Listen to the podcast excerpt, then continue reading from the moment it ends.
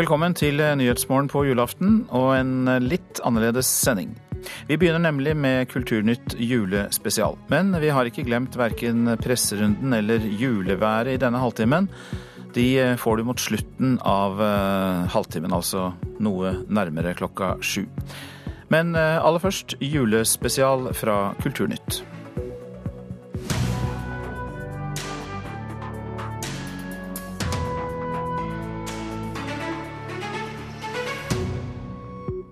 Den terrorutsatte kulturen det er noe av det som kommer til å stå igjen som kjennetegnene ved kulturåret 2015. Munch-museet sto for et av høydepunktene i kunståret 2015. Vi ser på året med kunstkritisk blikk. Og har du TV, så har vi anbefalingene av julefilmer du bør se i dagene som kommer. Du hører altså på Kulturnytt også denne julemorgenen, noen eh, timer før freden senker seg i de tusen hjem. Kulturåret 2015, hva var det egentlig, og hva står igjen som det vi husker ettersom årene går? Det er spørsmålet vi stiller her i dette julepanelet som vi har satt sammen i dag, bestående av Hilde Sandvik, kultur- og debattredaktør i Bergens Tidende, Mode Steinkjer, kulturredaktør i Dagsavisen, og Agnes Moxnes, kulturkommentator her i NRK. Velkommen alle sammen. Takk. Tusen takk. God morgen. La oss begynne med deg, Agnes. Hva tror du det er som kommer til å kjennetegne kulturåret 2015, når vi en gang ser tilbake på det fra fremtiden? Husker jeg satt i dette studio for omtrent et år siden og oppsummerte 2014. og Da var det grunnlovsjubileet, så da hadde vi et år brukt tiden på å se inn i vår egen, vårt eget land. Og så kom altså 7.1.2015 med angrepet på Charlie Hebdo.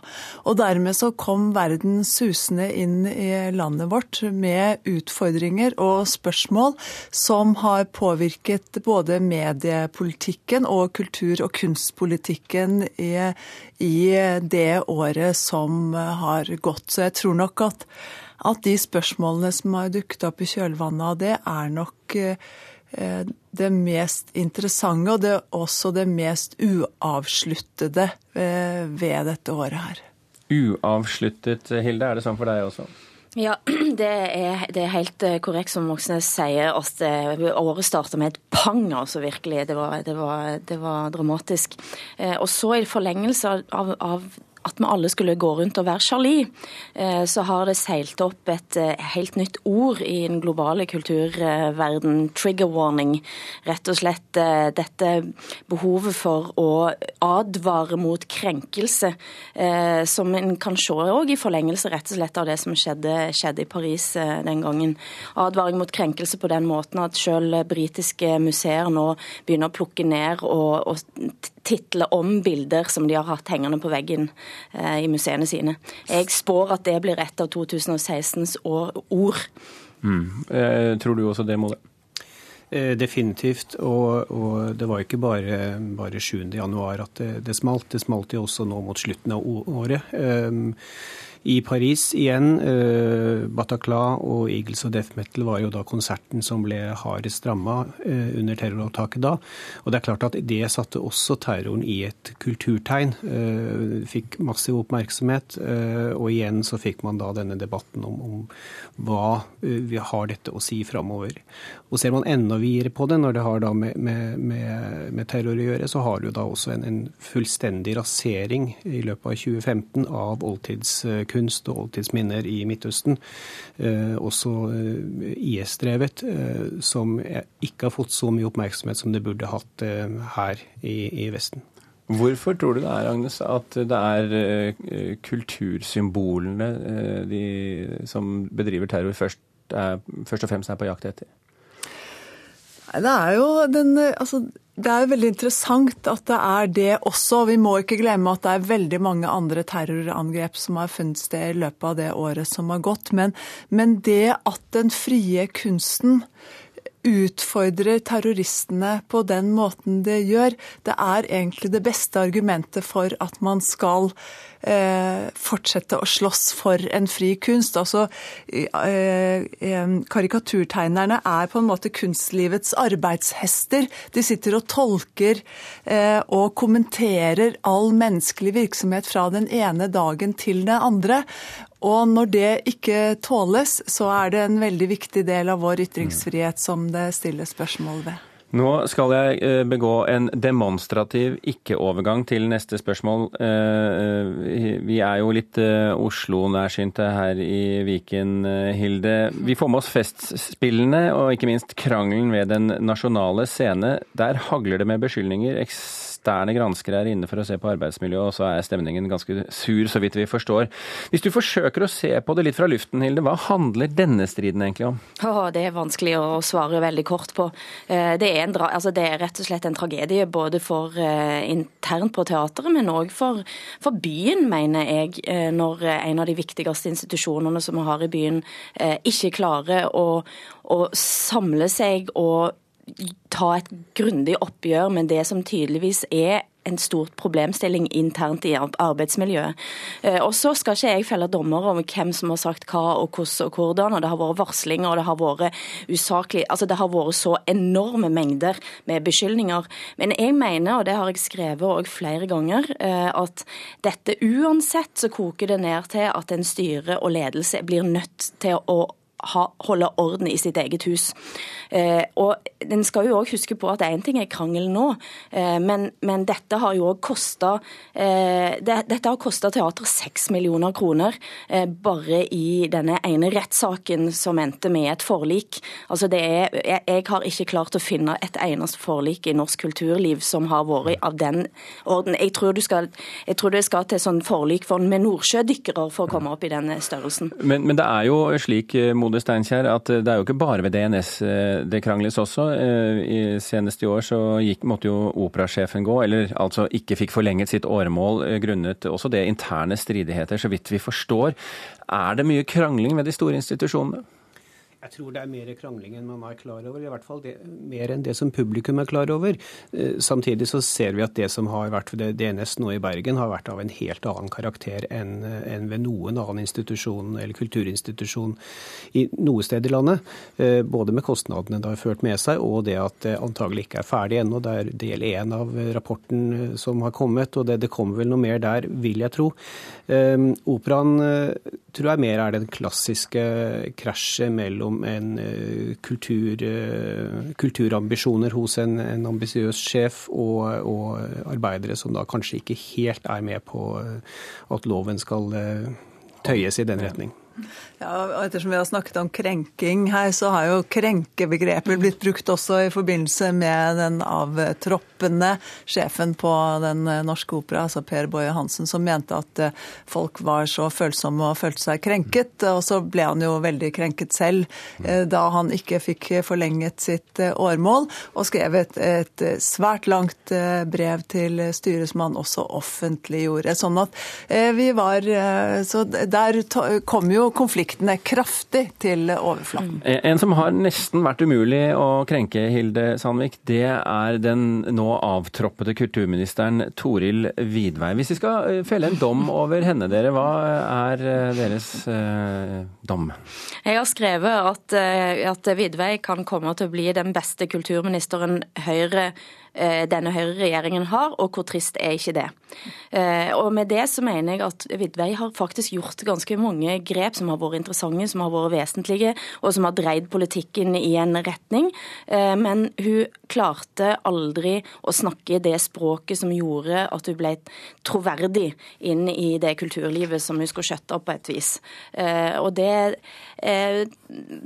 Den på et vis mangelen, mangelen på, på språk, men òg en slags eh, en, en, eh, en, litt utenfra eh, måte å, å, å, tenke og snakke på, tror jeg faktisk òg har vært med på å gjøre henne mer upopulær enn du egentlig fortjente å bli.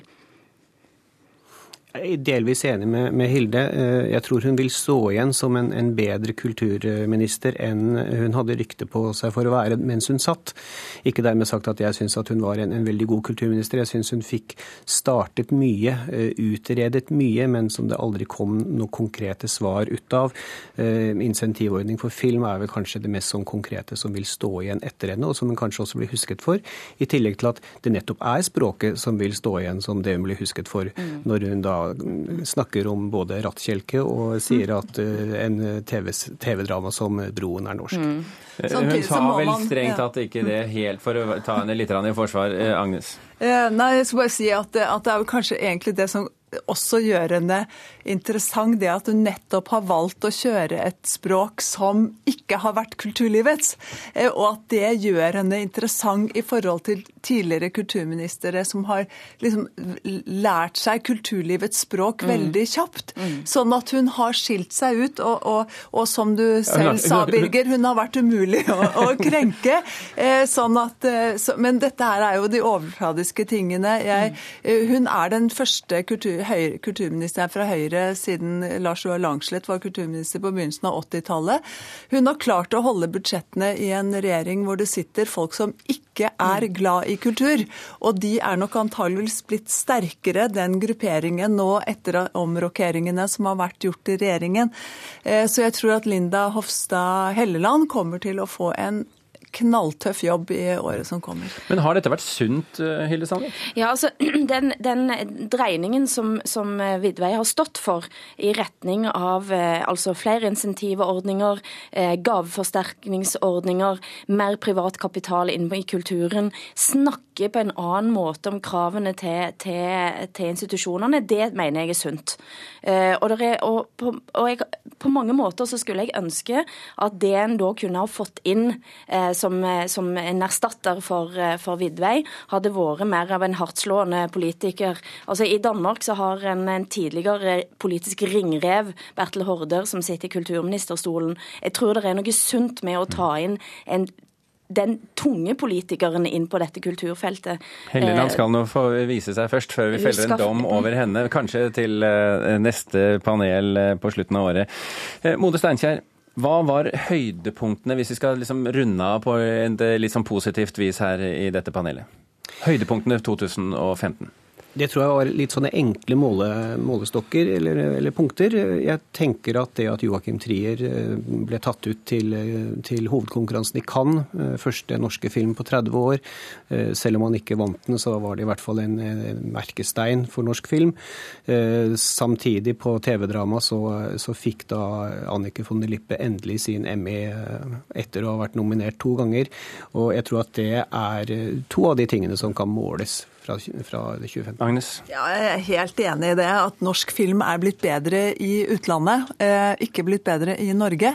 Mm. Eh, men det er, er kjempestas at Joakim Trier og Toril Kove, som ble nominert for tredje gang til en Oscar, og Annike von der Lippe, så det er superbra. Og så syns jeg det er utrolig morsomt. Jeg har fulgt Munch-museet i så mange år at Munch-museet nå gjør det så bra og lager utstillinger som engasjerer på den måten de gjør. Hilde, dine høydepunkt? Eh, for forlengelsen av film eh, så er òg norsk litteratur eh, går godt i utlandet. og det at ja, Tidligere BT-skribent og Morten Strøksnes med sin hav, havbok har blitt solgt utover landets grenser. Ikke bare skjønnlitteratur, men sakprosaen kom etter. Det òg er et eksempel på at en, at en villa politikk da bærer frukter.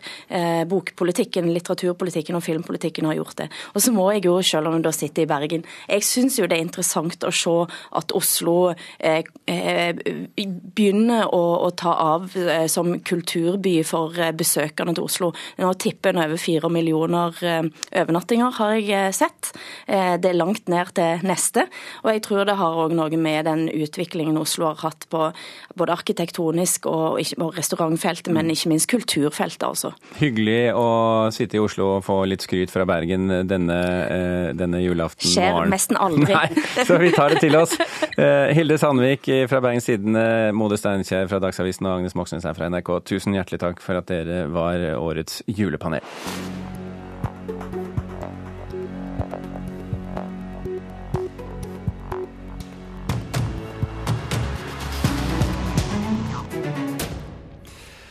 Ja, nå i desember før jul, du har sikkert merket det, vi betrakter og evaluerer de ulike opplevelsene våre anmeldere har hatt i året som gikk. Og spørsmålet vi stiller i dag er hva slags år 2015 har vært på kunstens arena. Og derfor har vi fått inn i studio, som vanlig, Mona Palle Bjerke, velkommen. Takk.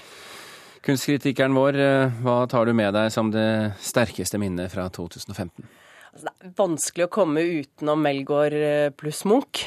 Både fordi jeg syns det var en veldig bra utstilling. Selve ideen med å sette dem sammen er kanskje ikke så underlig fordi det er veldig mye fellestrekk, men det var jo måten de gjorde det på.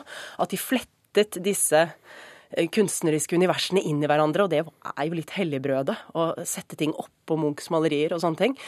Og det er jo åpenbart at Munch har noe å tilby Melgaard, men jeg syns også at det gikk den andre veien, og at eh, Melgaard brakte frem et mørke i Munch som var veldig interessant, og aksentuerte et mørke, da, som jo alt er der. Og vi glemmer jo stadig vekk egentlig hvor kontroversiell Munch var ja. i sin tid, og det var noe av dette som kom frem uh, satt sammen med Melgaard? Ja, og at den debatten og det, liksom det, den støyen som kom rundt utstillingen, lignet liksom støyen rundt Munch sine mest radikale, mest eh, opprørende utstillinger, hvor folk skrek om at utstillingen måtte stenges. og jeg ble jo opp Aldersgrense. Ja, og ble skjelt ut av lyttere. Og folk eh, politianmeldte utstillingen. Så dette var virkelig energi rundt Munch-museet da i februar. Nasjonalmuseet har kanskje ikke klart å få opp samme temperatur? Nei, og det er litt symptomatisk. Altså, hvis vi f.eks. snakker om Museet for samtidskunst, så er jo det egentlig en arena som burde sette agendaen.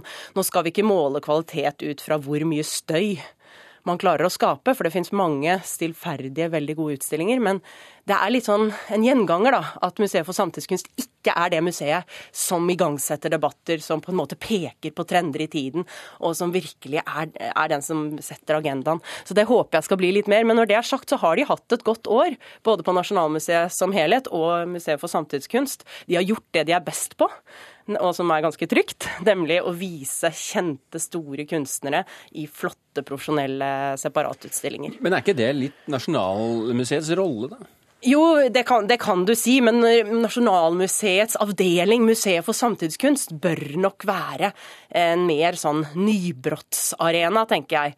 En eh, scene der vi kan føle at vi liksom, de har fingeren på tidens puls. og det, det, Den rollen klarer de ikke helt å fylle. Men, de men hva, er problemet da? Er det, er det den, den uh, kunstneriske eller den samfunnsmessige selvtilliten vi ja, snakker om her? Det er den faglige selvtilliten i institusjonen som de mangler litt. For det der å sette, gjøre noe radikalt radikalt og liksom tenke litt utenfor boksen. Det krever et mot og en trygghet på at dette kan jeg gjøre, dette kan vi gjøre. Dette er en stemme vi har. Og det, der er det ikke helt.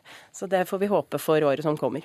Vi, vi, vi kan jo ikke ta med alt fra Nasjonalmuseet, det er jo en stor institusjon, og, og vi skal ikke dominere det her øh, i Kulturnytt heller. Men, øh, men det, kan du nevne høydepunkt som var bra for, for, for deg? Nasjonalgalleriet, Hanna Ryggen, var jo et stort høydepunkt. Hennes den kunstferdige langsomheten i vevteknikken mot hennes brennende politiske engasjement, som hun liksom feller ned i veven.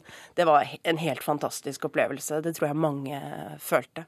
I tillegg så satte jeg veldig pris på broderiutstillingen i Nålens øye i Kunstindustrimuseet, og også Ode til Osaka i Arkitekturmuseet, der de virkeliggjorde en Eh, idé av Sverre Fehn med en stor, pustende arkitektonisk struktur som en mm. veldig lunge. Det var altså veldig flott. Vi sier takk til Nasjonalmuseet i denne omgang, og så hopper vi til Bergen i eh, Kode. Der har det jo også vært eh, temperatur fra tid til annen. Ja, det har det. Og... Var det det i 2015? Det har det, var det. Og jeg syns jo Festspillutstillingen, det var en fest med angjort gutter. Eh, og jeg var veldig begeistret for utstillingen Kunst i kamp der de eh, tematiserte eh, nazismens forestilling om det entartede eller den degenererte kunsten. Dette var en eh, veldig faglig sterk og spennende utstilling. Dette var Oslo og Bergen. Landet for øvrig, har du noen gode eksempler på gode kunstopplevelser fra 2015? Altså LIAF eh, i Svolvær, altså Lofoten International Art Festival, det var jo en stor opplevelse. For det er jo fantastisk med disse, med Lofoten som en ramme rundt Alt i Lofoten er en bra opplevelse. Det er helt fantastisk, men du kan si at å, det var jo masse flott å se der. Eh, så det var en stor opplevelse i den forstand. Men jeg var jo ganske kritisk til rammene Altså, det var så vagt, den uh, tematikken, og det var så ruskete og så uh, på en måte litt uprofesjonelt, hele uh, maskineriet rundt utstillingen. Så jeg tenker at Liaf, det er jo en sånn smykka en idé, det å ha en kunstfestival der eh, Lofot, i Lofoten. Men jeg håper inderlig at de vil liksom stramme seg litt opp da, og skjønne at uh, man kan ikke ha masse rot i et hjørne. Nei. Eh, Stavanger, da? Også en stor by, rik by? Ja, jeg tror nok at Stavanger, den store utstillingen på Must, det var jo Frida Hansen som er den andre store vevdronningen i norsk kunsthistorie. Men den utstillingen som jeg merket meg der, som jeg gjerne vil nevne, det var Marit Victoria Wolff Andreassen, eh, som er en veldig spesiell tegner. altså Hun tegner med sånne elegante, nesten sånn jugendinspirerte linjer. Minner litt om Elsa Beskow ved første øye, øyekast. Det er blomster, det er mennesker som er sånn overgang mellom natur og menneske. Men så kommer du nærmere, og så ser du at nesten alt er lagd av kjønnsorganer. Mannlige og kvinnelige kjønnsorganer. Og det er liksom sånn Elsa Beskow gone bad.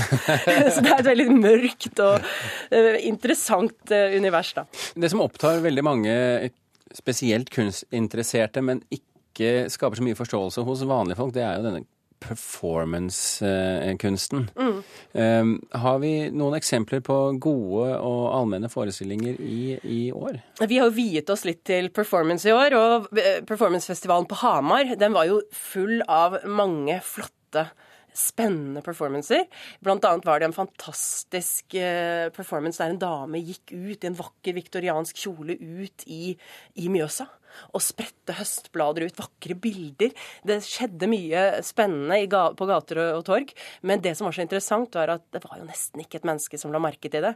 La oss eh, mot slutten, eh, Mona Palle Bjerke, se litt på de mindre utstillingene, galleriene osv. Hva er det som skjer? Hva forteller 2015 oss der?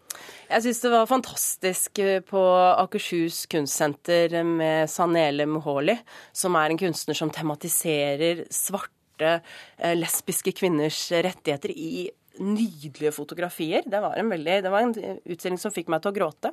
En annen utstilling helt nylig som eh, jeg vil nevne, er 'Støvkrystaller' på Galleriet F15 i Moss. Som er en utstilling som handler om demens. Jeg syns kanskje de kunne kalt det en utstilling om glemsel, for det ville viet ut perspektivet litt. Men det var en veldig, veldig flott eh, utstilling som jeg anbefaler alle å få med seg. Så konklusjonen? På 2015. Den autoritative som vi skal sette stempel på ja. og sende videre inn i fremtiden? Nei, Jeg syns det har vært et flott uh, år jeg, med mange forskjelligartede utstillinger. Og jeg gleder meg til uh, eh, 2016. Mona Palla Bjerke, takk for at du kom til oss. Takk.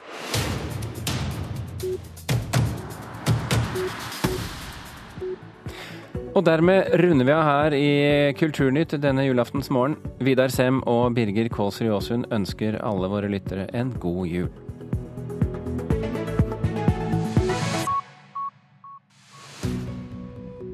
Nyhetsmorgen fortsetter med avisoppslagene julaften. 2015 eh, har vært et tungt år, men her er grunnene til å se lyst på 2016, skriver Dagsavisen. Klimaavtalen ble et vendepunkt. Tunisia viser vei for humanisme. I Colombia går 50 år med borgerkrig mot slutten. Atomavtalen med Iran gir håp om en mer avspenning. Og i Somalia er det tatt skritt i retning av demokrati og stabilitet. Et flertall mener det har kommet passelig mange eller for få flyktninger til Norge i år, viser en meningsmåling utført av Sentio for Klassekampen. Den største gruppen, på 43% av de spurte, mener vi har tatt imot passelig mange flyktninger, mens 15% mener vi har tatt imot for få. Oljepengene må hjem til Norge, sier Dagens Næringslivs julepanel. Vi må bygge opp andre bransjer hvor vi kan bli verdensledende. Det sier panelet, som består av næringslivslederne Elisabeth Grieg og Bjørn Rune Gjelsten, Senterpartiets Ola Borten Moe og Høyres Torbjørn Røe Isaksen, WWF-generalsekretær Nina Jensen og klima- og kostholdsaktivist Gunhild Stordalen.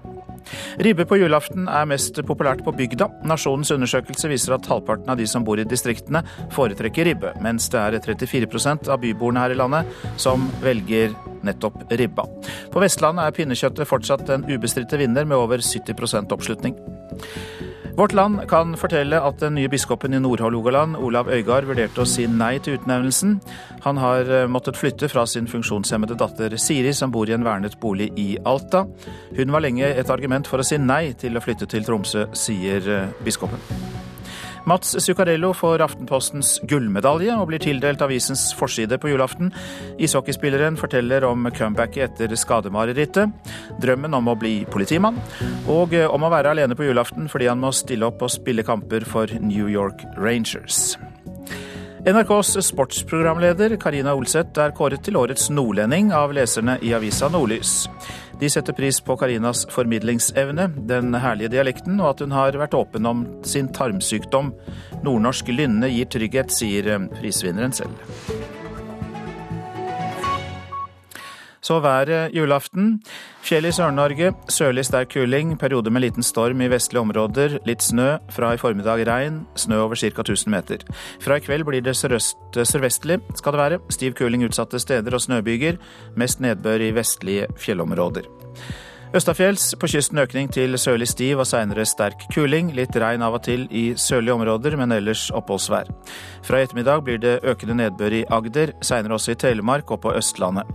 Seint i kveld vindregning til sørvest og overgang til bygevær i sørvestlige områder. Vestlandet sør for Stad. Sørlig sterk kuling utsatte steder. Full storm nord på Vestlandet. Regn av og til. Økende nedbør i ettermiddag. Snø over 1000 meter. I kveld dreier vinden til sørvestlig stiv kuling. Overgang til bygevær og synkende snøgrense. Møre og Romsdal sørlig liten til full storm i fjellet og på kysten lengst sør. I kveld minkende vind. Perioder med regn, særlig da på Sunnmøre. Lengre nord økende nedbør til kvelden og snø over 1000 meter. Trøndelag dreining til sørøstlig stiv og til dels sterk kuling. Perioder med regn i nord, snø over 600 meter. Ellers i Trøndelag opphold. Nordland sørvestlig sterk kuling, dreiende sørlig. I kveld minkende til stiv kuling. Det blir regn i Nordland, snø over 600 meter. Troms sørlig stiv kuling utsatte steder. Fra i formiddag sterk kuling. I kveld minkende vind, enkelte regnbyger og sluddbyger. I indre strøk snøbyger. Byger vesentlig vest for Lyngsalpene. Finnmark får sørlig stiv kuling utsatte steder. Fra i ettermiddag sterk kuling. Enkelte sluddbyger i ytre strøk vest i Finnmark, ellers stort sett oppholdsvær. Og Nordensjøland på Spitsbergen skiftende bris og litt eh, spredt snø. Så er det mye minusgrader i nord og stort sett plussgrader i sør.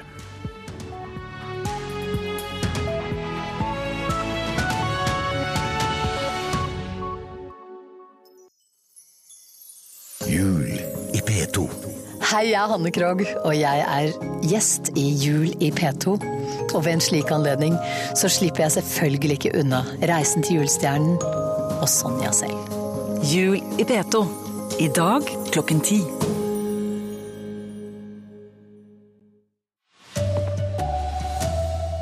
Kriminaliteten i sentrum skal ned. Vektere og politi inngår allianse i Oslo. Og utlandet spiser norsk fisk som aldri før. Her er NRK Dagsnytt klokken sju med Lise Heisel Asbjørnsen. Oslo-politiet inngår en samarbeidsavtale med sikkerhetsselskapene for å få ned kriminaliteten i sentrum. Prosjektet er unikt i Europa og skal sikre publikum en tryggere by. Men vektere skal ikke få politimyndighet, sier politijurist Kai Skurland i Oslo politidistrikt. Bruk av makt for andre enn politiet, eh, for så vidt for politiet også, det er alltid vanskelig. og Det er klare rammer der. Eh, og Vektere har adgang til å bruke makt og vil også kunne legge personer i bakken, men det er ganske strenge vilkår for det. Jeg er ikke redd for at dette kan utarte litt, og at vektere føler at de får mer myndighet enn de egentlig har. Nei, tvert imot. Eh, det hersker en del usikkerhet i dag om hvor grensene går for hva vektere kan gjøre. Både hvilke beslutninger de kan treffe, om man kan nekte folk av adgang, bortvise folk, eh, og også eh, bruk av makt, legge folk i bakken ved å på en måte rydde opp i dette og forsøke å trekke klare linjer for hva hvilken makt vekter kan utøve, så tror vi at det vil bli færre tilfeller hvor man tråkker over grensen for, for lovlig maktbruk. Kai Spurkland i Oslo-politiet til reporter Bjørn Atle Gjeldestad. Norge forhandler nå med Ecuador for å hente hjem en narkotikadømt norsk kvinne. Rita Grimestad fra Marnardal ble i fjor dømt til ti års fengsel for å ha forsøkt å smugle narkotika ut av Ecuador. Nå har norske myndigheter formelt startet prosessen med å be Ecuador om å la henne sone her. Til tross for boikott fra Russland og Kina, så kommer norsk sjømateksport til å slå alle rekorder i år. På ti år er eksporten mer enn doblet i verdi, og havner i år på 75 milliarder kroner, tror en analytiker. Daglig leder ved Novasi, Odd Lorentz Strøm på Lovund i Nordland, kan se tilbake på et historisk godt lakseår. 2015 eh, blir nok det historisk beste året for, for oss. Norsk sjømateksport har de siste ti årene opplevd en eventyrlig vekst. Når 2015 er over, har norsk sjømatindustri nådd nye høyder. Det sier Kolbjørn Giske Ødegård, analytiker hos Nordea Markeds. Vi er ikke overraska om vi når helt opp mot 75 milliard eh, i total eksportverdi for 2015 for norsk sjømat. Helge Lyngmo var reporter her. Kravene til luftkvalitet blir nå strengere. Fra 1.1 innfører Klima- og miljødepartementet nye grenseverdier for svevestøv, og disse er strengere enn minstekravene i EUs luftkvalitetsdirektiv. Årsaken er at svevestøv er farligere enn antatt. Og så er Norge tidligere dømt for helsefarlig luft i storbyene her i landet.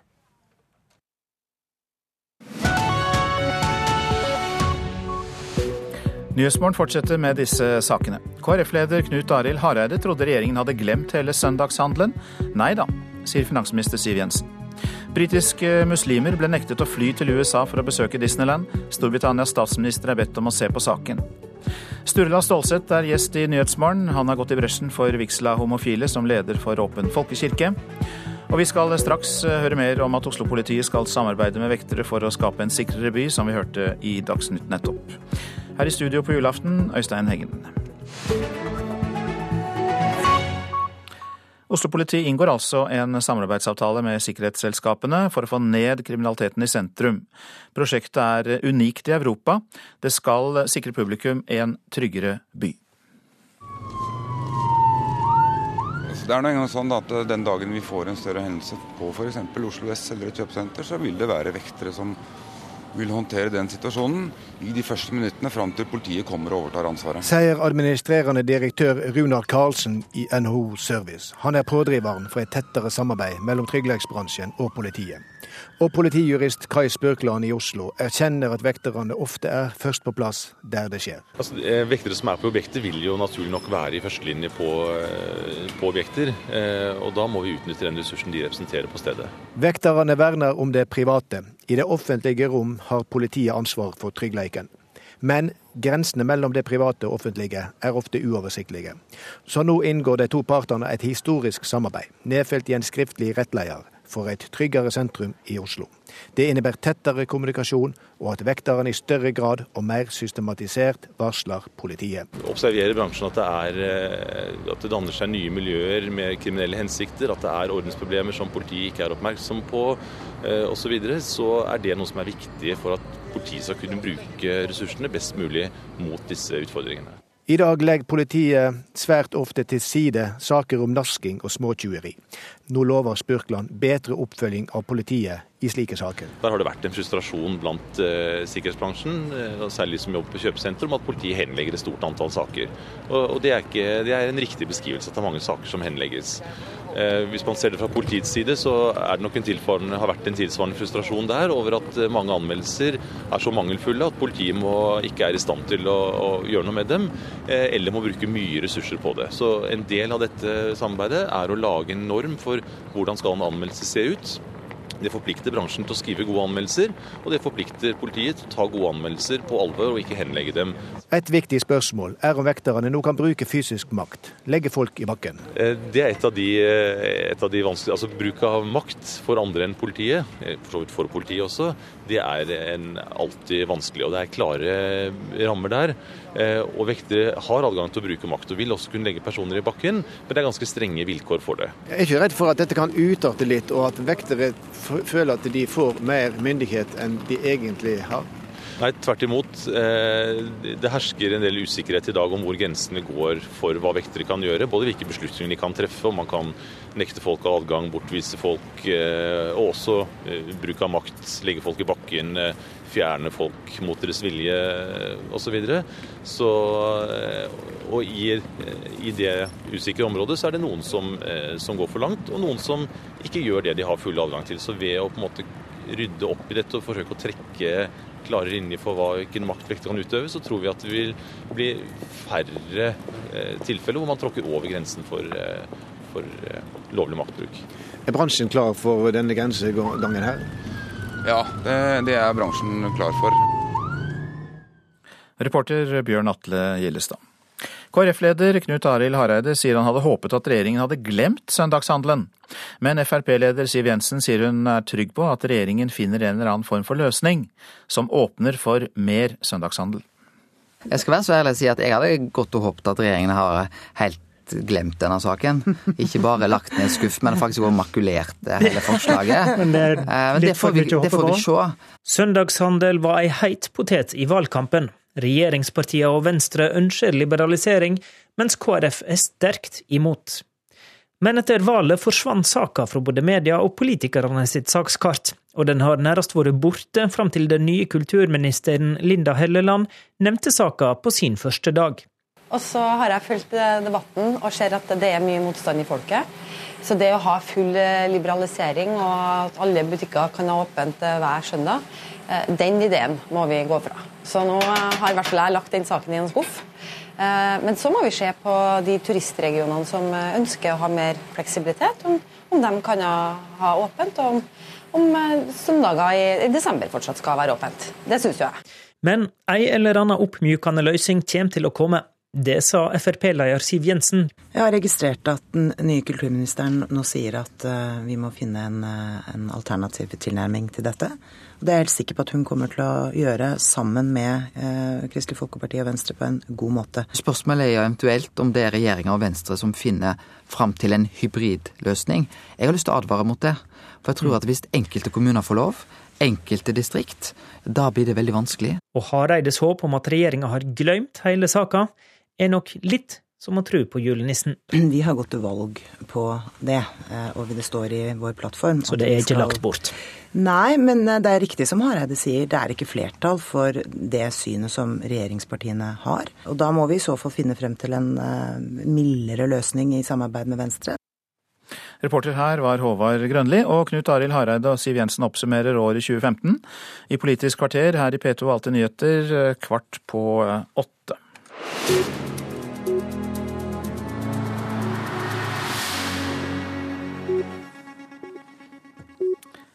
I dag eh, går eh, mange i kirken.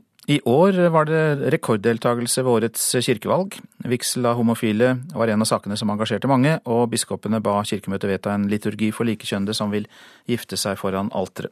Sturla Stålseth, god morgen til deg. God morgen. Du er professor ved Det teologiske menighetsfakultet ved Universitetet i Oslo, og i denne sammenheng viktig at du er leder for Åpen folkekirke, som har gått i bresjen i denne saken. Hva fikk deg til å engasjere deg? Dette er et spørsmål om uh, mennesker, om menneskers uh, liv, om uh, hva slags kirke vi er og hva slags kirke vi vil ha. Så Derfor var det viktig å stå på for en åpen folkekirke. Og i det spørsmålet var også dette vigselspørsmålet om for likekjønnede par viktig. Hvorfor tok det så lang tid for Kirken å komme til et kompromiss? Det kommer an på hvordan man ser det på en måte har dette tatt veldig lang tid. Eh, for de som har kjempet, for de som har kjent seg utestengt, så har dette tatt altfor lang tid. Og det er mange som har stått midt i dette lenge før Åpen folkekirke. På den annen side så skal vi huske at det er ikke så veldig lenge siden eh, at den nye ekteskapsloven ble vedtatt. Og i de lange perspektivene som kirka står i, så er dette en betydelig endring i ekteskapsforståelsen. Men så er det jo uh, splid i kirken. altså Det er jo flere med et mer konservativt syn på dette som neppe har tenkt å forandre oppfatning med det første. Er du redd for at uh, mange kan bryte ut? Nei, jeg er ikke så redd for at mange kan bryte ut. For jeg tror at vi ser at vi kan være uenige også om viktige spørsmål innad i kirken. Sånn har det alltid vært. Og det er alltid et spørsmål om hvilke spørsmål som vi blir eh, Hvordan vi finner fram til å leve med hverandres ulike syn. Og det skal vi klare i denne saken også. Eh, så det er en viktig eh, kvalitet ved det å være i kirke at vi kan være uenige også. Var dette kirkevalget der mange deltok eh, en viktig milepæl, et vendepunkt eller et blaff? Jeg eh, tror det var en viktig milepæl, fordi kirka står i en overgangssituasjon. Vi har vært eh, en statskirke og har en naturlig plass i mange menneskers liv, ikke minst på julaften. Eh, og Derfor var det viktig akkurat nå, når vi er i en overgangssituasjon til å være en, en folkekirke, men ikke en statskirke, at eh, det var et sånt engasjement. For som jeg sa, så tror jeg dette handler om at folk eh, ønsker å si at denne kirka er vår, og da er det viktig at kirka også er for alle. Vi skal jo feire i dag et gledesbudskap for hele folket, og sånn sett så tror jeg at det er noe av det som slo ut ved kirkevalget i år, og jeg tror det var viktig, en viktig milepæl. Det var nok flere tusen som uh, tok en tur innom um, menighetshuset for å stemme i år, tidligere, mange flere enn tidligere. Um, mange visste vel kanskje ikke at det var kirkevalg. Tror du oppslutningen kommer til å holde seg?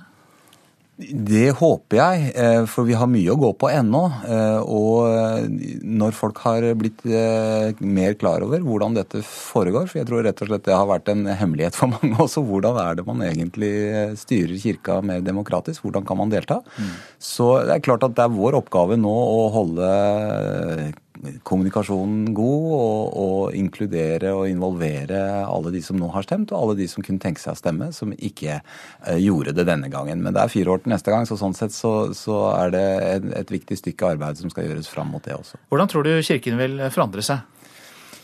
Kirka forandrer seg hele tiden, samtidig som den er jo preget av stor eh, kontinuitet. Budskapet er det samme. Eh, kjærligheten står i sentrum. Det å, å kjenne seg velkommen eh, i det huset som man kommer til kanskje bare på julaften, eller kommer til oftere, det er kjernen i det hele. Og jeg håper at folk kjenner det i og for seg på samme måte som før, men at eh, dette spørsmålet som vi nå har tatt eh, stilling til, at også likekjønnede par kan få feire kjærligheten i kirka, at det gjør noe med alle som kommer til kirka, at dette er et godt sted å være.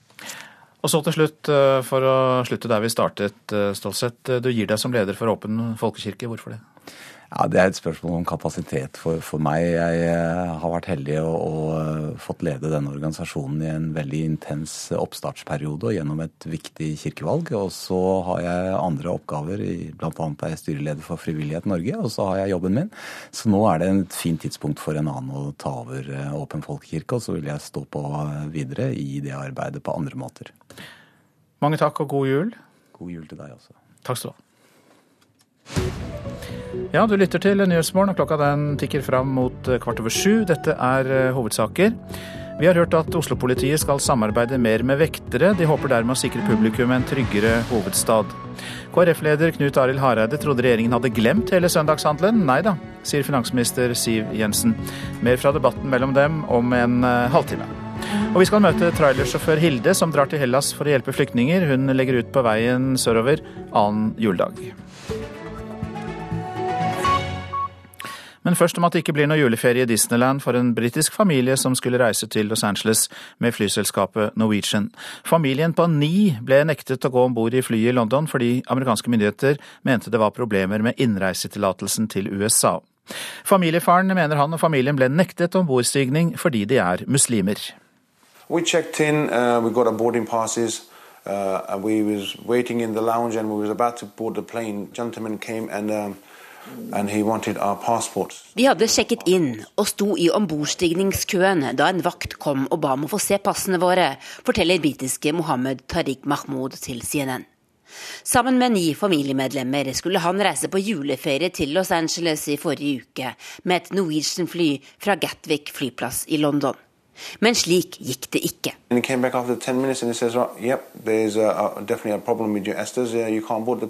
Vakten kom tilbake etter ti minutter og sa at det var noe galt med innreisetillatelsen vår, forteller Mahmoud.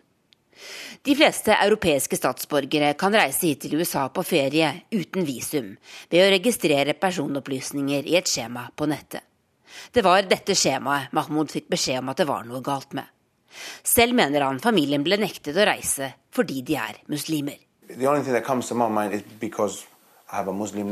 Jeg kan ikke tenke meg noen annen grunn. Vi var de eneste i ombordstigningskøen som så muslimske ut, sier han. Norwegian bekrefter at en familie ble nektet ombordstigning 15.12. etter anmodning fra USAs departement for innenlands sikkerhet. Flyselskapet sier de alltid etterlever slike anmodninger. Her i USA avviser myndighetene at personer blir nektet innreise pga. sin religion. Opplysninger CNN har fått tilgang til, viser at e-postadressen til Mohammed Tariq Mahmouds 18 år gamle sønn er oppgitt på en mistenkelig Facebook-side som kan knyttes til en som er tilknyttet Al Qaida og Taliban. Familien sier e-postadressen til sønnen ikke er den samme. Sikkerheten er i høyspenn på flyplassene her i USA denne julehelga. Terrorangrepene i Paris og California gjør at beredskapen er på topp, og at kroppsskannere er tatt i bruk på flere flyplasser enn før.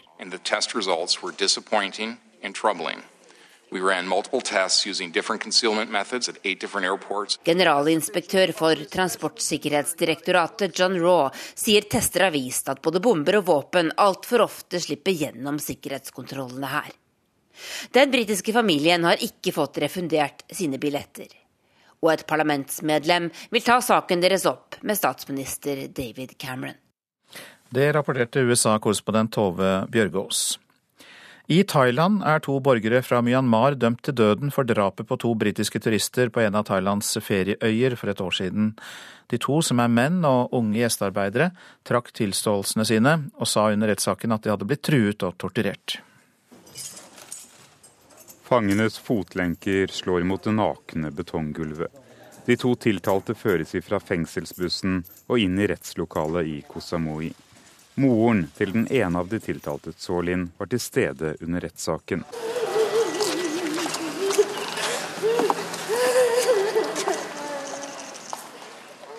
Win So-tun og So-lin, begge migrantarbeidere fra Myanmar, sto tiltalt for å ha voldtatt og drept Hannah Witterbridge, 23, og ha drept kjæresten David Miller, 24, på øya Koh Tao i september i 2014. Begge mennene har nektet skyld. แก้ต่างเนี่ยเราก็ถือว่าเราได้ทําดีที่สุดแล้วนะฮะแต่มันขึ้นอยู่กับว่าการ Vi forsvarere har gjort det vi kan. Men dommen vil avgjøres av hvordan dommeren vurderer hver enkelt side av saken. Det kan hende dommeren ser på dette annerledes enn oss, sier leder for forsvarerne Nakon Chumpuchat. Det endte med en fellende dom og dødsstraff. Politiet har sagt de har DNA-bevis som knytter de tiltalte til drapene, men tilståelser gitt under etterforskningen ble trukket under rettssaken. Politiet har vært under press da myndighetene fryktet at drapene ville skade den viktige turistnæringen. Thailand styres av de militære etter kuppet i mai 2014, og kritikere og opposisjonelle hjemme er i stor grad tiet. Likevel har etterforskningen og den påfølgende rettssaken blitt sterkt kritisert av rettighetsaktivister. Win So-tun og So-lin har begge fortalt at de har blitt kledd nakne, fått bind for øynene og blitt slått. De nå dødsdømte mennene skal ha blitt truet med at de ville bli drept hvis de ikke tilsto. Sa reporter Philip Lote. Så til eh, julaftensavisene. 2015 har vært et tungt år, og her er grunnene til å se lyst på 2016, skriver Dagsavisen. Klimaavtalen ble et vendepunkt, Tunisia viser vei for humanisme. I Colombia går 50 år med borgerkrig mot slutten. Atomavtalen med Iran gir håp om en mer avspenning. Og Somalia, der blir det tatt skritt i retning av demokrati og stabilitet. Et flertall mener det har kommet passelig mange eller for få flyktninger til Norge i år, viser en meningsmåling utført av Sentio for Klassekampen. Den største gruppen, på 43 av de spurte, mener vi har tatt imot passelig mange flyktninger, mens 15% mener vi har tatt imot for få. Oljepengene må hjem til Norge, sier Dagens Næringslivs julepanel. Vi må bygge opp andre bransjer hvor vi kan bli verdensledende. Og panelet består av næringslivslederne Elisabeth Grieg og Bjørn Rune Gjelsten, Senterpartiets Ola Borten Moe, Høyres Torbjørn Røe Isaksen, WWF-generalsekretær Nina Jensen og klima- og kostholdsaktivisten Gunhild Stordalen. Ribbe på julaften er mest populært på bygda. Nasjonens undersøkelse viser at halvparten av de som bor i distriktene, foretrekker ribbe. Mens det er 34 av byboerne her i landet som eh, velger den julematen. Men på Vestlandet er pinnekjøtt fortsatt en ubestridte vinner, med over 70% oppslutning. Vårt Land kan fortelle at den nye biskopen i Nord-Hålogaland, Olav Øygard, vurderte å si nei til utnevnelsen. Han måtte nemlig flytte fra sin funksjonshemmede datter Siri, som bor i en vernet bolig i Alta. Hun var lenge et argument for å si nei til å flytte til Tromsø, sier Øygard.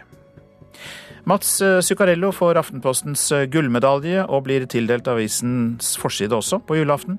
Ishockeyspilleren forteller om et comeback etter skademarerittet, drømmen om å bli politimann og om å være alene på julaften fordi han må stille opp og spille sine kamper for New York Rangers. Og NRKs sportsprogramleder Karina Olseth er kåret til årets nordlending av leserne i avisa Nordlys. De setter pris på Karinas formidlingsevne, den herlige dialekten og at hun har vært åpen om sin tarmsykdom. Nordnorsk lynne gir trygghet, svarer prisvinneren selv.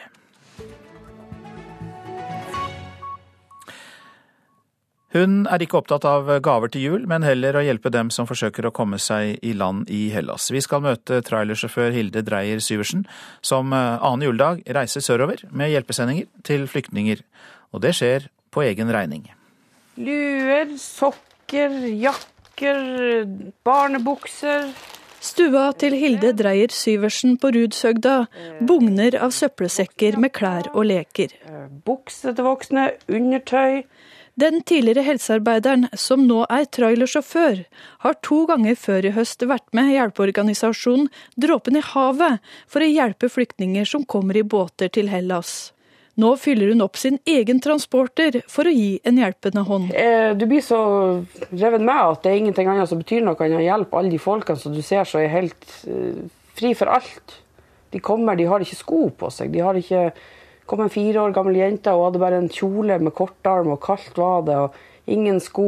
og Det, liksom, det, det river alle plasser når du er der og ser og opplever det. Og har jeg kunnet, så har jeg vært igjen der hele tida og hjulpet. Det ser ikke ut som det tar noen ende og noe slutt der. Hilde laster sekker inn i bilen. Andre juledag setter hun nesa mot Skios i Hellas. Her er ballonger. Små kosedyr som vi gir dem. Syns det er veldig, veldig veldig koselig når de smilet kommer frem hos ungene. Og det skal bli godt å komme seg av gårde og få hjelp. Vi bare får meldinger fra de som er fastboende på øya at det kommer båter, det kommer båter, det kommer båter. Vi står på hele natta. Vi er fri for klær, vi er fri for alt. Hjelp oss. Og Hilde forteller at hun bidrar på ulike måter. Når det kommer båter, så prøver vi å ta de imot helt i havet. For det er mange dramatiske redninger. Det er mye klippe, det er mye stein. Vi gir de mat. Vi skifter på alle ungene først. Vi begynner med babyene, og så arbeider vi oss oppover til eldre, handikappa og så til slutt mannfolkene, hvis vi har noe mer igjen i bilene. Jeg føler at jeg får bidratt, og de er veldig glade når vi kommer, og de setter veldig stor pris på oss. Men jeg kunne gjort mye mer, sikkert. Hilde viser oss flytevester uten flyteevner. Disse har hun tatt med hjem for å vise fram hva flyktningene kommer til Europa med. Det her det kommer da ungene med. Du ser jo hvor amatøraktig alt det her er. Det er ikke mye hold i det. Det er tragiske greier. Jeg har aldri ville sendt ungen min over i noe sånt. Hjelpeturen denne gangen sørger hun helt for sjøl.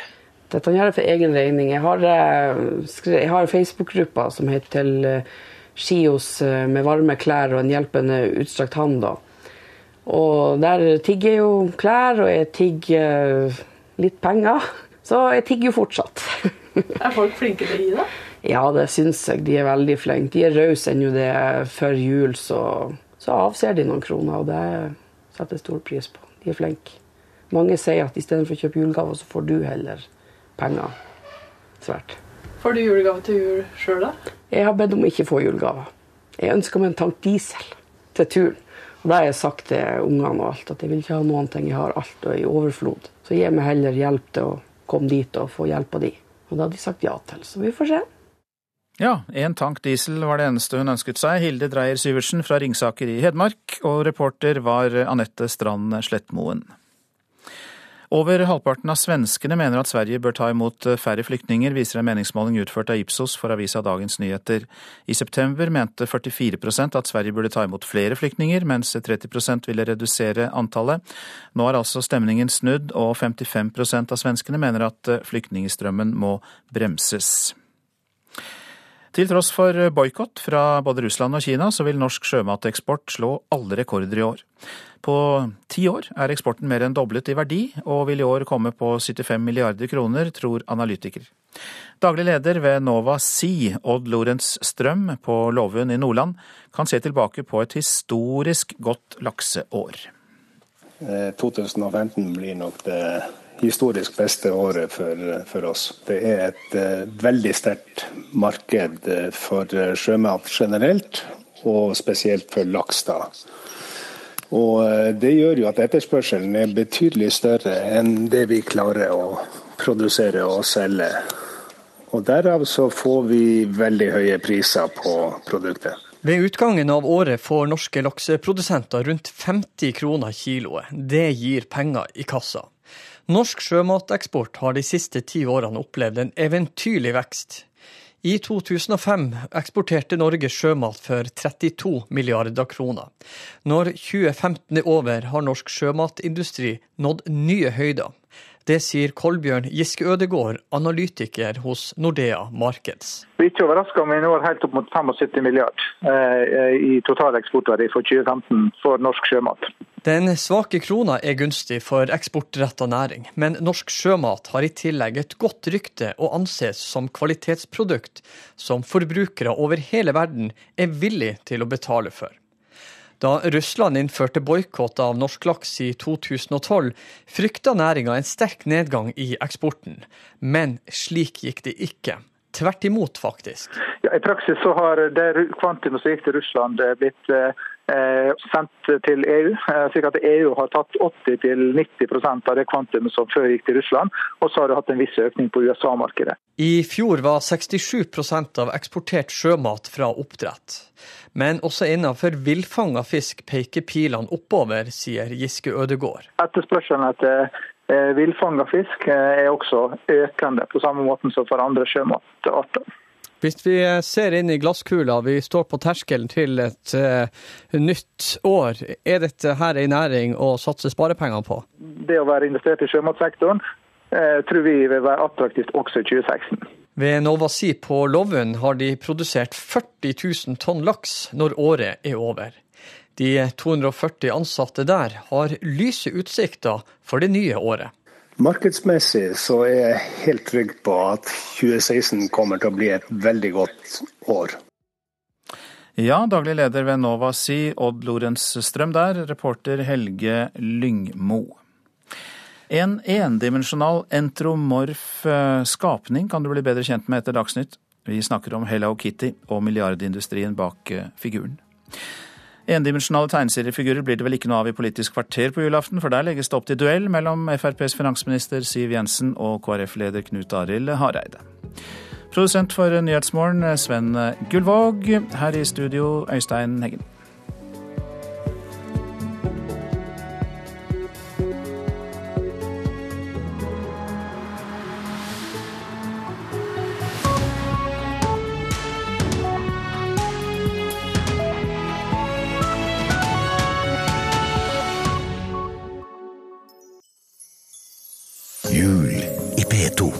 Hei, jeg er Hanne Krogh, og jeg er gjest i Jul i P2. Og ved en slik anledning så slipper jeg selvfølgelig ikke unna Reisen til julestjernen og Sonja selv. Jul i P2. I dag klokken ti.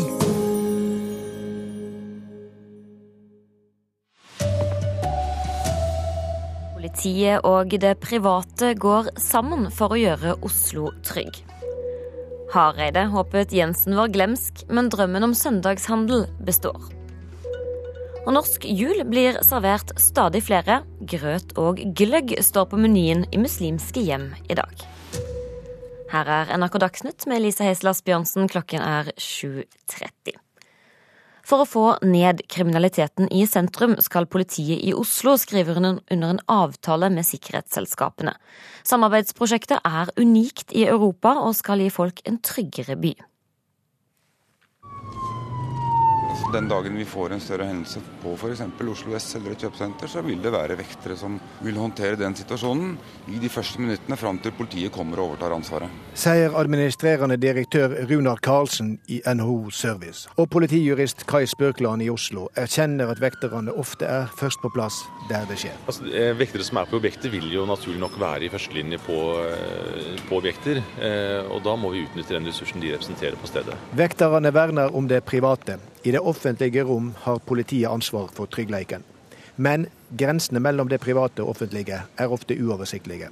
Så nå inngår de to partene et historisk samarbeid. Det innebærer tettere kommunikasjon og at vekterne i større grad og mer systematisert varsler politiet. Observerer bransjen at det, er, eh, at det danner seg nye miljøer med kriminelle hensikter, at det er ordensproblemer som politiet ikke er oppmerksom på. Et viktig spørsmål er om vekterne nå kan bruke fysisk makt, legge folk i bakken. Bruk av makt for andre enn politiet, eh, for så vidt for politiet også, det er alltid vanskelig. Og det er klare rammer der. Eh, og vektere har adgang til å bruke makt, og vil også kunne legge personer i bakken, men det er ganske strenge vilkår for det.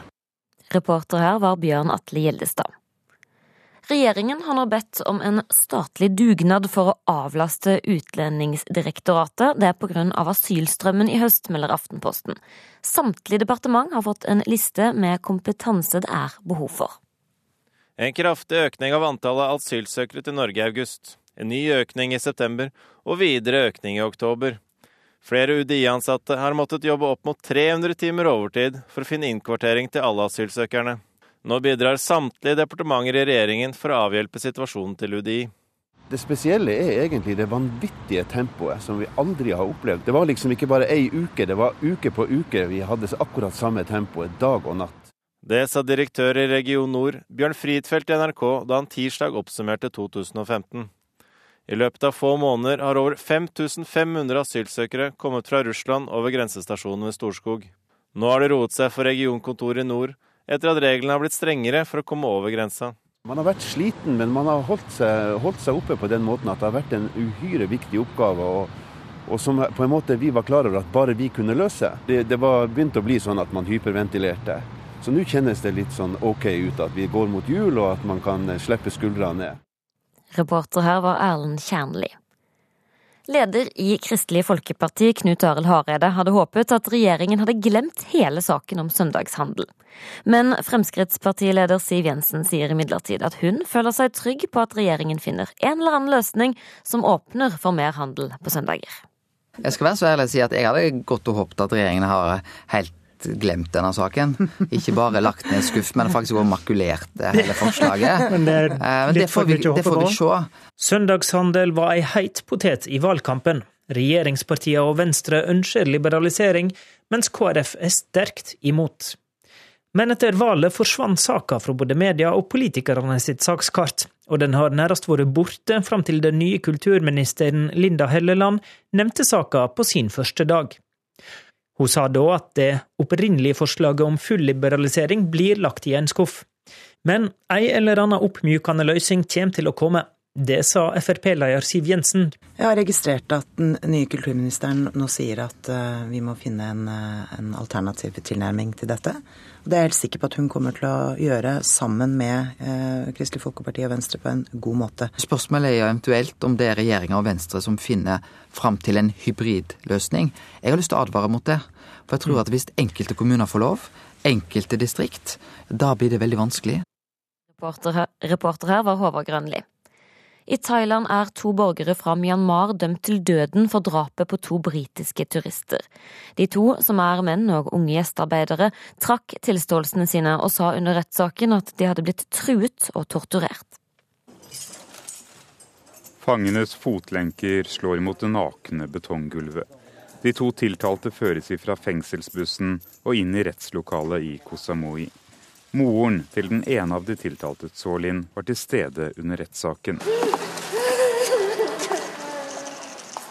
Win So Tun og So Lin, begge migrantarbeidere fra Myanmar, sto tiltalt for å ha voldtatt og drept Hannah Witterbridge, 23, og ha drept kjæresten David Miller, 24, på øya Koh Tao i september i 2014.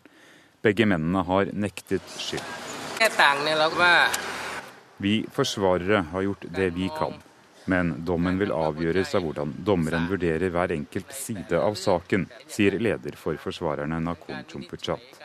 Det endte med en fellende dom og dødsstraff. Politiet har sagt de har DNA-bevis som knytter de tiltalte til drapene, men tilståelser gitt under etterforskningen ble trukket under rettssaken. Politiet har vært under press da myndighetene fryktet at drapene ville skade den viktige turistnæringen. Reporter her var Philip Lote. Statens vegvesen skal nå vurdere strakstiltak på E6 i Dovre i Gudbrandsdalen.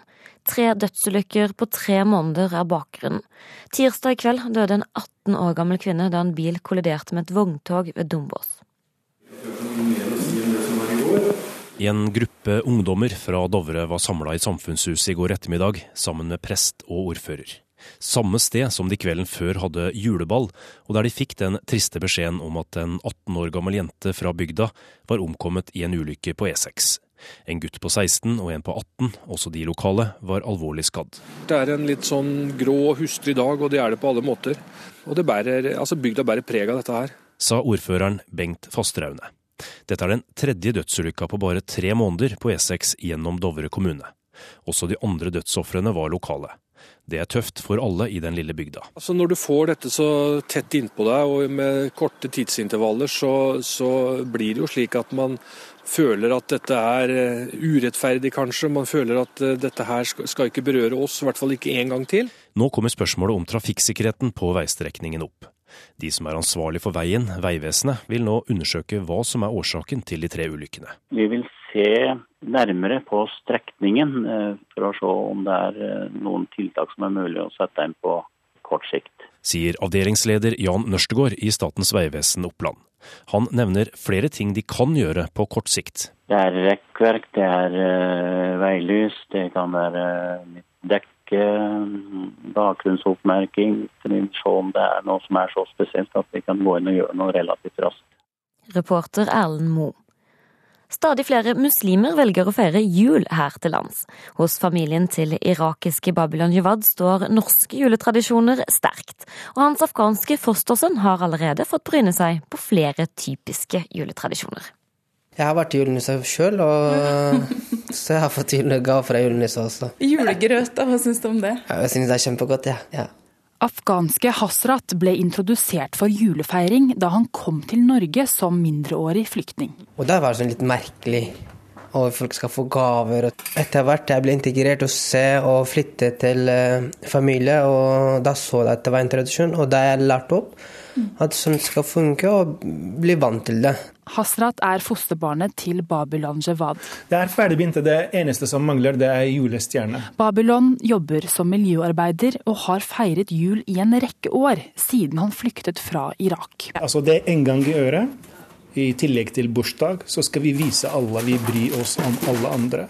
Og så Vi prøver å komme nærmere hverandre, for siden vi er fra forskjellige kulturer. Og ifølge Hiaman Shirot, som er nestleder i Vestfold innvandrerråd, blir det mer og mer vanlig for muslimer å feire jul. Jeg syns det er det første skritt man skal gjøre for at vi blir på en måte kjent med den norske tradisjonen. Av og til så inviterer vi folk som ikke har mulighet til å feire jul. Så i år så vi har en ungdom som kommer fra Afghanistan, så han skal komme og feire jul med oss. Hjemme hos Babylon Jevad er det meste klart før den store kvelden.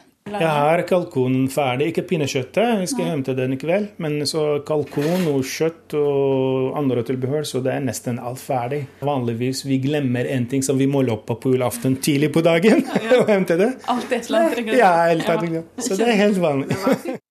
Reportere her var Hege Therese Holtung og Oda Marie Midbø. Hele vår meny er husket og servert. Kokk og ansvarlig for NRK Dagsnytt, Gro Arneberg.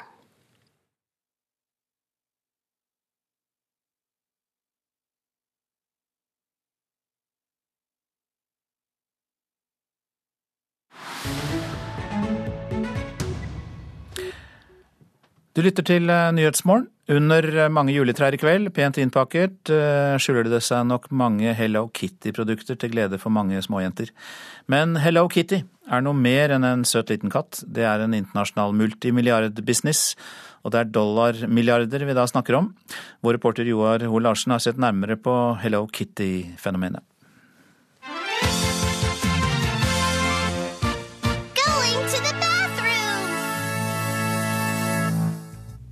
For de uinnvidde så dreier dette seg om et kattelignende kosedyr. Mens eh, for de investeringsinteresserte så ble det altså omsatt Hello Kitty-produkter for mer enn 50 milliarder kroner i året, ifølge Time Magazine, og det er faktisk flere år siden. Kitty er nokså upersonlig og uten særpreg. Hun har ikke munn, og ansiktet er ganske så uttrykksløst. Akkurat hvor gammel hun er i dag, er vanskelig å vite, for hun har vært den samme i 40 år.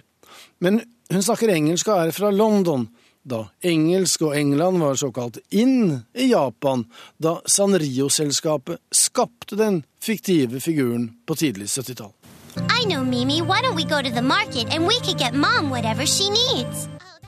Hun liker mors apple pie, samler på søte ting og gjør søte ting.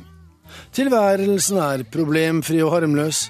Selv når hun blir borte og ingen kan finne henne, er det ikke mer mystisk enn at hun lekte gjemsel med søsteren sin og sovnet. Mamma! What is it, Mimi? What's wrong? I thought you and Kitty were playing hide and seek. We were, but now I can't find Kitty anywhere.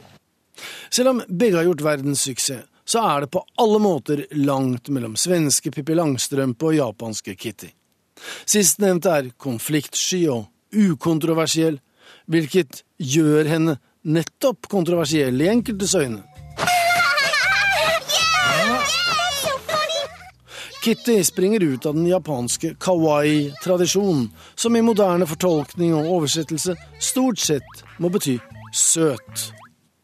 I samme sjanger finner vi Teletubbies som en slags slektning, altså dyrelignende figurer med menneskelige trekk, antropomorfe skapninger som det heter, i likhet med Mickey Mouse og Donald Duck.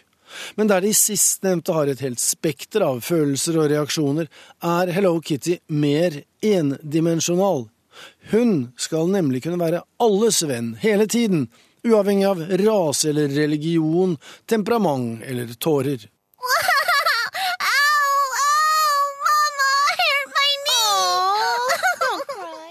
Kitty var opprinnelig rosa, og målgruppen var unge jenter. Men etter hvert har produsenten tonet ned det rosa og tilpasset produktene en bredere del av markedet. I tillegg til matbokser og krus, sengetøy og klær finnes det nå Hello Kitty spisesteder og restauranter. Man kan få kjøpt Hello Kitty diamantsmykker og Hello Kitty armbåndsur. Grå og svart er introdusert. Nå leverer både Boeing og Airbus Hello Kitty-fly. Og det kan umulig være noen grense når Fender Stratocaster har en Hello Kitty-modell. Og når et vinhus nå selger Hello Kitty-vin, så er det åpenbart at produsenten ikke henvender seg til den opprinnelige målgruppen. Eller kanskje nettopp det. For småpikene fra den gang er jo nå voksne og formodentlig vindrikkende. Og alt kan selvfølgelig betales med et Hello Kitty-visakort. Så de som i kveld stifter bekjentskap med Hello Kitty for første gang, har fått en følgesvenn for resten av livet. Og dette er hovedsaker i Nyhetsmorgen. Oslo-politiet skal samarbeide mer med vektere, håper dermed å sikre publikum en tryggere hovedstad. Asylstrømmen gjør at regjeringen ber andre departementer avlaste Utlendingsdirektoratet. UDI-ansatte har til sammen jobbet 30 000 timer overtid siden i sommer, melder Aftenposten. Statens vegvesen skal vurdere strakstiltak på E6 ved Dovre i Gudbrandsdalen. Tre dødsulykker på tre måneder er bakgrunnen. Og I Thailand er to menn dømt til døden for å ha drept to britiske turister. De dømte er gjestearbeidere fra Myanmar. De to hevder at de ble mishandlet av politiet og presset til å tilstå. Programleder for Politisk kvarter er Håvard Grønli.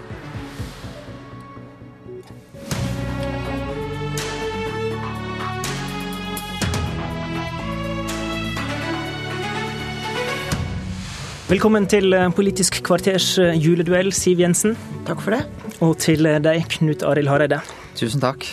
Vi har invitert dere til å oppsummere året, og filteret vi legger foran de politiske brillene er da forholdet mellom Frp og KrF. Vi begynner med slutten. Denne samtalen er spilt inn i opptak 18.12., så her vi står nå, så er det to døgn siden statsrådsskifta ble kunngjorte. Siv Jensen, når du og statsministeren gjør vurderingene av hvem som skal ut, og hvem som skal inn i et nytt regjeringsteam, er da forholdet til samarbeidspartiene en del av den vurderinga? Det er jo sånn at eh, det er alltid veldig vondt å skulle takke av statsråder som har gjort en veldig god jobb. For eh, Fremskrittspartiets vedkommende så var det Robert Eriksson i denne omgang. Eh, men det er også sånn at jeg har vært opptatt av hvordan vi kan bygge nye profiler for å fortsatt videreutvikle Fremskrittspartiet. Og jeg har vært opptatt av å ha et godt lag i regjeringen som kan gjøre en god jobb for landet. Så først og fremst partiet og regjering, ikke samarbeidspartiet? Altså, det er jo sånn at uh, statsrådene må samarbeide med alle partier i Stortinget, men særlig med Kristelig Folkeparti og Venstre. Og det er en oppgave alle statsråder har. Uh, og jeg er helt sikker på at det er en oppgave alle tar på høyeste alvor. Knut Arild Hareide, ehm, tror du at den nye regjeringssammensetninga kan endre forholdet mellom ditt og Siv Jensens parti? Det er litt for tidlig eh, å si noe om, men det er regjeringa som har ansvar for å sette sammen. Eh, og regjeringspartiene til å sette sammen det de mener er den beste sammensetningen, og det er deres ansvar uh, alene. Men det kan vel prege forholdet? Du rakk jo å signalisere hva du mente om Per Sandberg som eventuelt innvandringsminister? Eh, det er regjeringa som bestemmer hvilken statsråder de skal ha. Nå har jeg lagt merke til at eh, Per Sandberg har gått aktivt inn som fiskeriminister. og jeg har eh, sett han allerede lagt gode fiskeretter på TV 2s morgensending. Og det kjennes nok av og til litt mer behagelig enn den Per Sandberg har hatt de siste to åra. Ok, Så du ser det som en fordel, dette? Jeg, jeg, tror, vi, jeg tror, det er politikken som er det, det viktigste. Og selv om vi òg har tøffe politiske dueller. Per Sandberg så har vi respekt for eh, hverandre, men vi har vært uenige. Og det er klart Denne høsten her så har det vært mange saker som har vært vanskelige, fordi det har vært klima, det har vært bistand, det har vært innvandring. Og det er et tema som det er og relativt stor forskjell på nettopp Fremskrittspartiet og eh, KrF på det.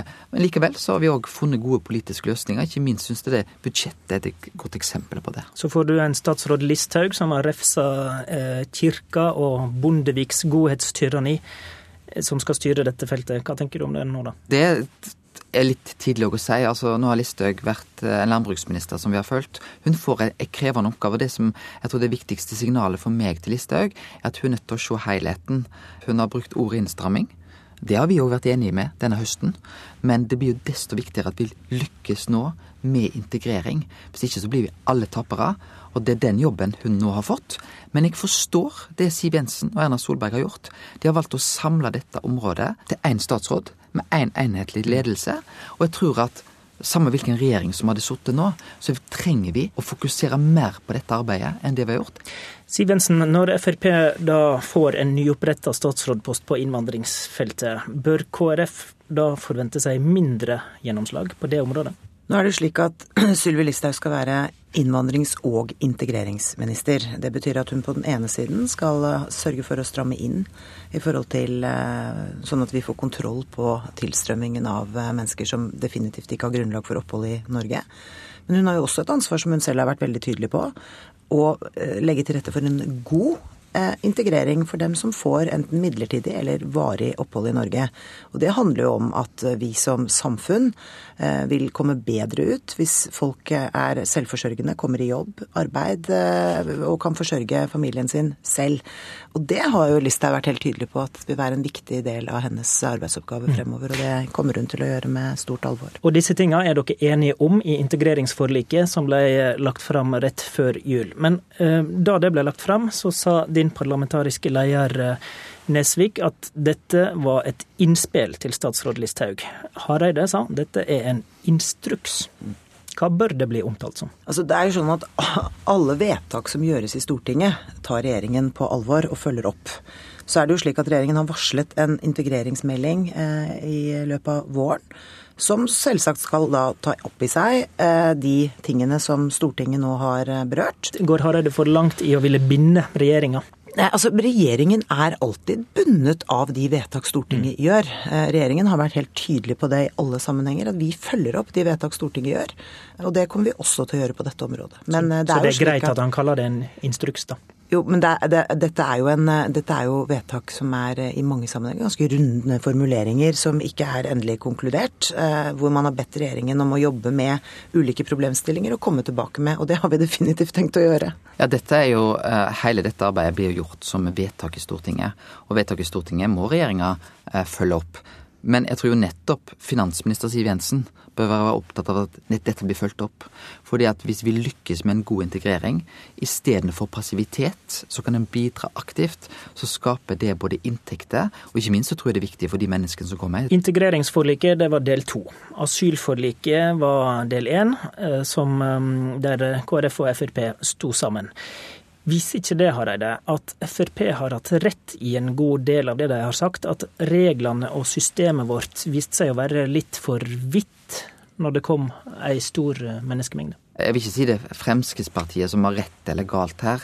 Her er det verden som har forandra seg. Og politikken og da... bør endre seg etter situasjonen, men bør vi ikke også ha et system som faktisk eh, i utgangspunktet kan takle en større menneskemengde som det vi så. Men vi har aldri hatt den situasjonen som vi har hatt denne høsten. Og det er jo nettopp fordi at situasjonen har endra seg, at det er behov for å se på, på, regelverket. Og det kan jo jeg si. Jeg tror alle har opplevd Eh, det ønsker KrF å ta godt imot de som har et beskyttelsesbehov. Men når det kommer veldig mange, så er det òg nødvendig å gjøre endringer, sånn at vi kan ta godt imot de som har et reelt beskyttelsesbehov. Jensen, opplever du at du har klart å flytte sentrumspartiene litt i de retning? Jeg er veldig glad for at det ble et eh, bredt flertall i Stortinget for å gjøre helt nødvendige innstramminger i asylinnvandringspolitikken. Alle så jo at Norge ikke var dimensjonert for den tilstrømmingen som eh, vi fikk eh, gjennom høsten. Det har lagt et stort press på utlendingsmyndighetene på alle muligheter, og selvfølgelig også på kommunene, som skal håndtere dette på en egnet måte. Du nevner kommunene. I 2016, som vi er på vei inn i nå, har kommunene et reelt valg om å ta imot flyktninger eller ikke? Ja. Det er altså frivillig bosetting i Norge. Det er ingen, kanskje med unntak av SV, som har tatt til orde for eh, tvangsbosetting. Eh, mange kommuner eh, legger forholdene godt til rette for det, andre er mer skeptisk. Men dette er kommunene selv som må avgjøre hva de evner å håndtere.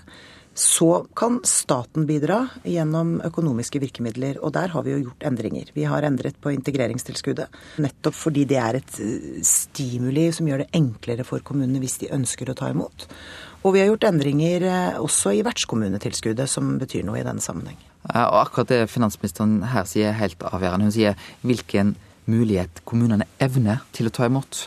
Og det ligger jo i det forliket som ble nå vedtatt like før jul, og som ble enighet om der, var det jo nettopp at vi må gjøre kommunene bedre i stand. Men du ble veldig provosert i valgkampen da Siv Jensen eh, oppfordra kommunene til å kunne si nei. Hvorfor var det så ille da? For det er jo, som dere begge sier, et fritt valg. Det var fordi at Eh, finansminister Siv Jensen var den som var her under revidert nasjonalbudsjett og sa at ja, vi skal ta, som regjering, så sa hun ja, vi skal ta på oss den oppgaven med de 8000 eh, kvoteflyktningene. 2000 i år, 3000 i 2016, 3000 i 2017. Eh, og så er det greit at Siv Jensen òg er partileder, men hun kan aldri legge fra seg statsrådsjobben. Hun må til enhver tid stå god for det regjeringen har lovt, og regjeringen lovte før sommeren 2015 at de skulle ta imot. Jeg opplevde et annet signal i Ålesund i august. Jeg har vært helt presis på at regjeringen skal følge opp eh, Stortingets vedtak. Men jeg har også vært helt tydelig på at uh, dette var et viktig spørsmål i en kommunevalgkamp. Fordi det er altså opp til hver enkelt kommune å bestemme hvordan de ønsker at kommunen skal utvikle seg. Hvor mange flyktninger de skal ta imot. Hvordan de skal uh, inkluderes i lokalsamfunnet. Og jeg er glad for at det ikke er andre signaler fra Stortinget om å gjøre endringer i det. For det ville vært krevende for veldig mange kommuner, særlig mange små kommuner, som ikke har kapasitet til å ta mange flyktninger. Men hva er de oppfordring til kommunene nå, da? At de skal eh, ta selvstendige valg eh, basert på de forutsetningene de selv har. Det er ikke opp til meg å, å, bestemme over hver enkelt kommune. Vi kan legge til rette gjennom ulike virkemidler, men kommunene må selv avgjøre hva som er rett for dem. Da vi oppsummerte i fjor på denne tida, så var det meste av fokuset på en kranglete budsjettprosess. Hareide, har den vært bedre i år, etter ditt syn? Jeg syns den har vært bedre. Eh, det er sånn at budsjettet er vanskelig. Jeg vet til og med statsråder som har sittet i ettpartiregjeringa under Arbeiderpartiet, som har sagt at eh, budsjettdiskusjonene har gått hardt for seg. Dette er fire parti. Vi har òg ulike prioriteringer.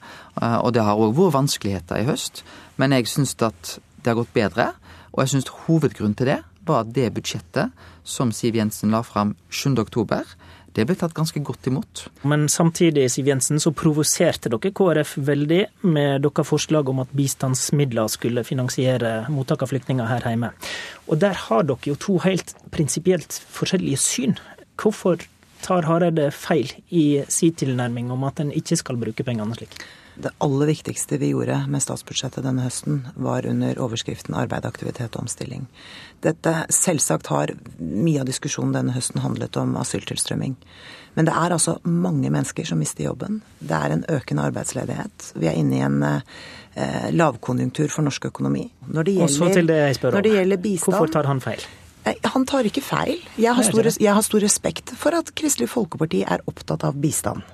Men så er det slik at vi har denne såkalte ODA-mekanismen, som gjør det mulig for det må oss du forklare. Ja, som gjør det mulig for oss å bruke bistandspenger på nyankomne flyktninger i Norge første året. Det er en mekanisme som mange regjeringer har brukt gjennom årene, fordi den er eh, en anerkjent OECD-mekanisme, og som flere land bruker. Så jeg tror ikke Hareide bestrider det prinsippet, eh, eller at regjeringen tok i bruk teknikken. Men han ønsket seg at vi skulle gjøre det i mindre skala, og det er helt greit. Vi får høre Eh. Og det var en del av budsjettforhandlingene. Ja, og det ble jo veldig viktig for KrF å få gjennomslag.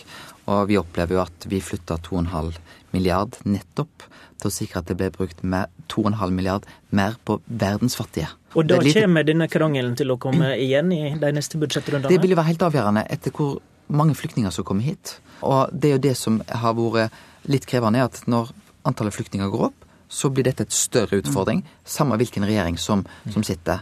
Et mye omtalt tema i vår og i valgkampen, det var søndagshandel. Ehm, og det var vel der KrF var nærmest å formulere ultimate krav. Men så etter valget så ble det jo helt stille om den saka. eh, Og før den nye kulturministeren nå rett før jul eh, nevnte temaet, så begynte jeg å lure på om dette var stille lagt bort. Hva skjedde egentlig med den saka, Siv Jensen? Jeg har registrert at den nye kulturministeren nå sier at eh, vi må finne en, en alternativ tilnærming til dette. Det er jeg helt sikker på at hun kommer til å gjøre sammen med eh, Kristelig Folkeparti og Venstre på en god måte. Men det er jo ikke noen hemmelighet at i dette spørsmålet så står eh, KrF og Fremskrittspartiet i utgangspunktet langt fra hverandre. Det er ikke hemmelig. Men hva skjedde egentlig med saken etter valget? Hadde, for Nei, det jeg, lurte på, hadde, jeg skal være så ærlig å si at jeg hadde gått og håpet at regjeringen har helt glemt denne saken. Ikke bare lagt ned skuff, men faktisk også makulert hele forslaget. Men det er Eh, men det får vi, det får vi se. Eh, Det er ikke tvil om at eh, for KrF så handler dette om at jeg tror det er godt å ha en annerledes dag i veka. Men, men vi kjenner argumentene dine. Men, men, men hva skjer Ja, om det blir tatt jeg. opp igjen? Det vet jo ikke jeg. Fordi at det er jo sånn at regjeringen hadde sitt forslag. Det har de nå konstatert. Det er det ikke flertall for. Så er det jo sånn at partiet Venstre har en tilnærming som er nærmere regjeringa enn det alle andre parti har. Så spørsmålet er jo eventuelt om det er regjeringa og Venstre som finner fram til en hybridløsning. Jeg har lyst til å advare mot det. For jeg tror at hvis enkelte kommuner får lov, enkelte distrikt, da blir det veldig vanskelig. Da blir det et regelverk som er konkurransefridende. Og jeg tror modell i dag, den er ikke fullkommen, men to tredjedeler av befolkningen sier at det er den vi vil ha. Jensen, ønsker regjeringa fortsatt å innføre en eller annen form for mer eh, tilgang til søndag, søndagshandel? Vi har gått til valg på det, eh, og det står i vår plattform. Så det er ikke skal- lagt bort? Nei, men eh, det er riktig som Hareide sier. Det er ikke flertall for det synet som regjeringspartiene har. Og da må vi i så fall finne frem til en mildere løsning i samarbeid med Venstre. Men hvordan dette nå blir, det gjenstår å se. Og jeg tror ikke Hareide og jeg skal forhandle det her og nå i jula. Det bør vi gjøre. Det hadde vært en fin løsning, spør dere meg. Fortsatt god jul, Knut Arild Hareide og Siv Jensen. Tusen takk. God jul.